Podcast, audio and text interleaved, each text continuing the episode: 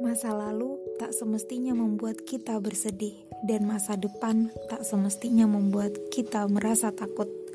Apa yang sudah terjadi adalah pengalaman berharga yang patut dijadikan pelajaran, dan apa yang akan terjadi adalah perjalanan yang harus dipenuhi dengan harapan. Bersyukurlah atas apa pun yang terjadi di masa lalu, karena hari ini kita masih diberi kesempatan untuk menjadi lebih baik, dan bersiaplah untuk menghadapi masa depan, karena ia harus diupayakan agar lebih baik dari hari ini.